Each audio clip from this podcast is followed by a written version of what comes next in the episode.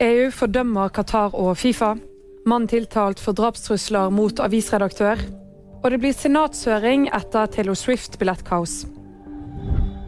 Europaparlamentet fordømmer Qatar og Fifa for menneskerettighetsbrudd i VM.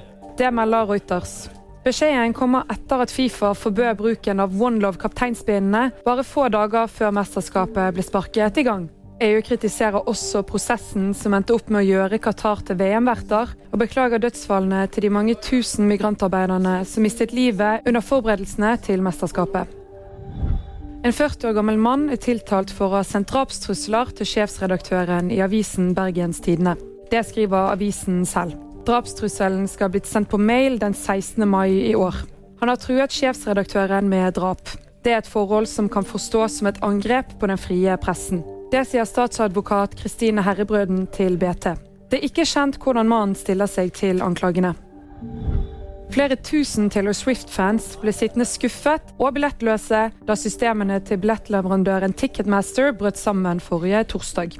Problemene oppsto allerede under forhåndssalget, noe som førte til at det åpne salget ble avlyst som følge av utilstrekkelig billettlager. Den demokratiske senatoren Amy Klobuchar sier at kaoset gjør det veldig klart at billettmarkedet ikke fungerer godt nok. Nå planlegger hun og hennes republikanske kollega Mike Lee en høring i Senatet om mangel på konkurranse innen nettsalg av billetter. Og VG-nyheter fikk du av Hanne Sofie Andresen.